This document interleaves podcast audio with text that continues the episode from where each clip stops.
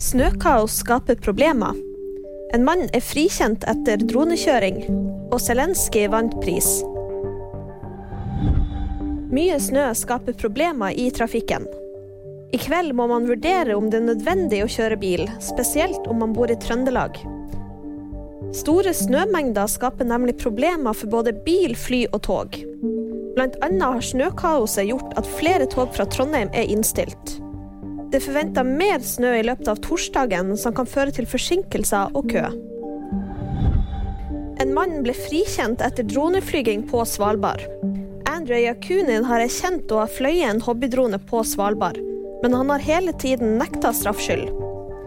Påtalemyndighetene mener det er forbudt for russiske statsborgere å fly droner i Norge. Nå har den britisk-russiske innbyggeren blitt frikjent. Vlodomir Zelenskyj er kåra til årets person av Time. Nyhetsmagasinet trekker fram hvordan Zelenskyj ble værende i landet da Russland invaderte Ukraina 24.2. I fjor var det Elon Musk som stakk av med utnevnelsen. Og VG-nyheter det fikk da meg, Live Auskar.